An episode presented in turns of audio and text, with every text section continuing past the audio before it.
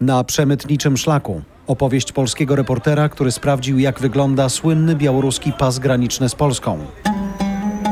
W Askaraj, regionalnym centrum handlu ludźmi, krainie migrantów, fałszerzy i przemytników wszystkiego, co można przemycić, wszystko ukryte jest między słowami.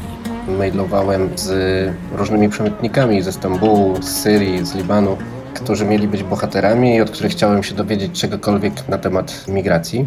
Od początku chciałem się wcielić w takiego migranta.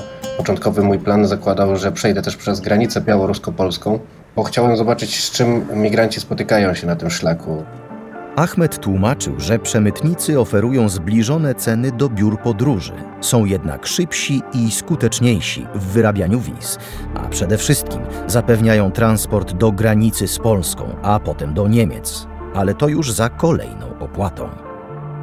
Czteroodcinkowa seria dokumentalna. Polecają Oko Press i Voice House.